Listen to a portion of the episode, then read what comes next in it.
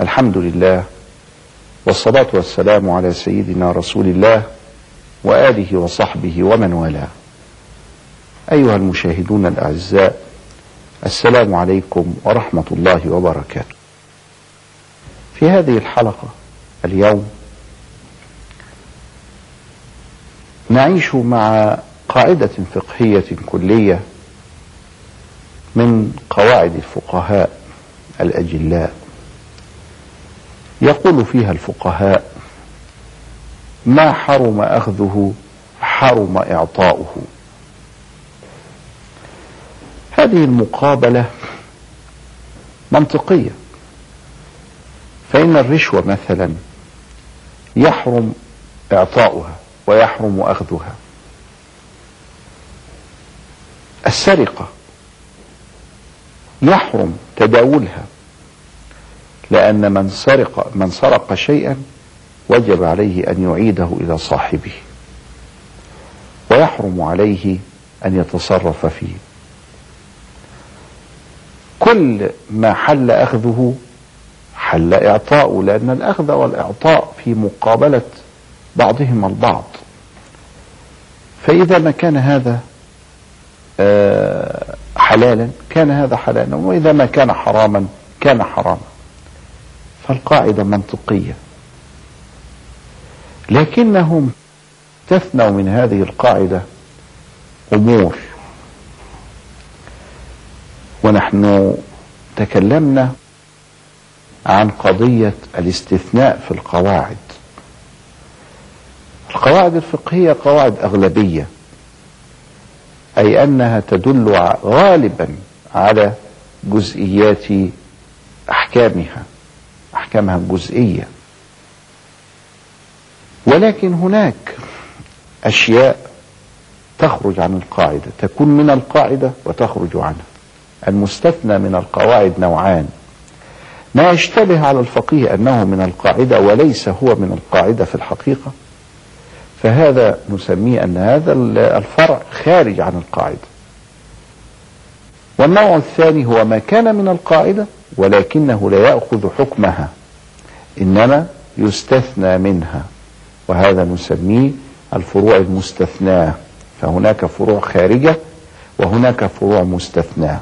الخارجة ليست من القاعدة أصلا إنما يحدث الاشتباه فيها. والمستثناة إنما هي قد استثنيت من أجل غرض معين من أجل أن توافق مصلحة أن توافق نصا أن توافق إجماعا أن يكون في مراعاتها حفظا للمقاصد الكلية.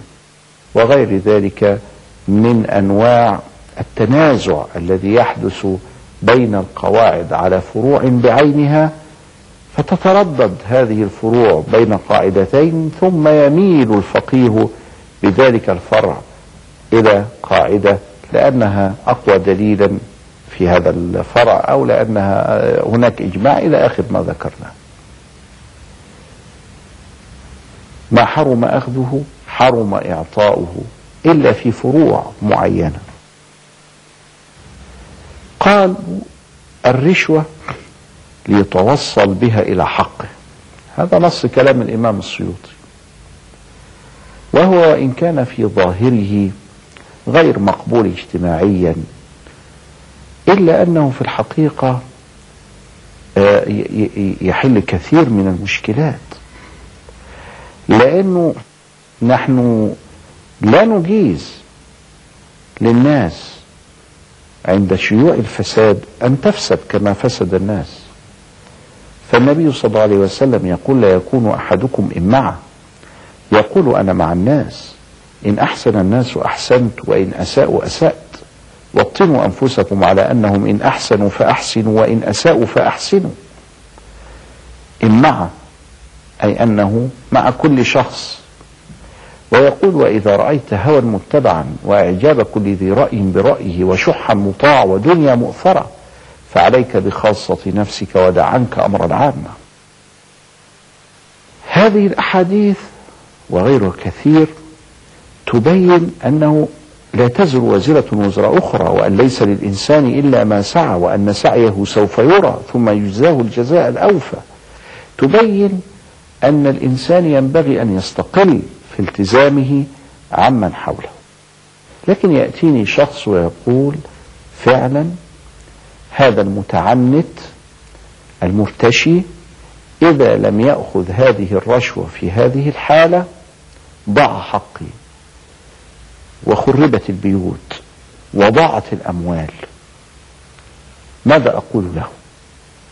هنا يخرج هذا الفرع المستثنى من القاعدة. نعم ما حرم أخذه وحرم إعطاؤه ولكن إذا وصلت المسألة إلى خراب البيوت وضياع الأموال وتشتيت الأسر وضياع الحقوق فإن هذه الأموال التي تعطى حلال من دافعها الذي يريد أن يستخلص حقه الضائع الذي سدت عنده وفيه كل السبل.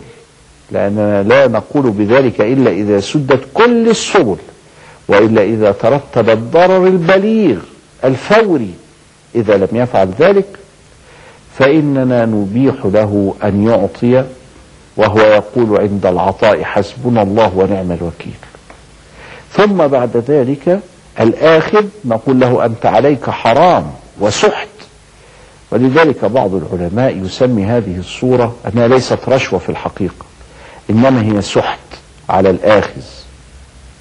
هذا هذه الحالة لا يمكن أن تكون إلا وقد تمحض الحق لهذا الدافع.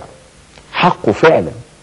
وليس يدفع من أجل أن يأخذ حق غيره وإلا فهي رشوة بلا نزاع وفساد عريض في الأرض بلا نزاع وهي من الكبائر بلا نزاع.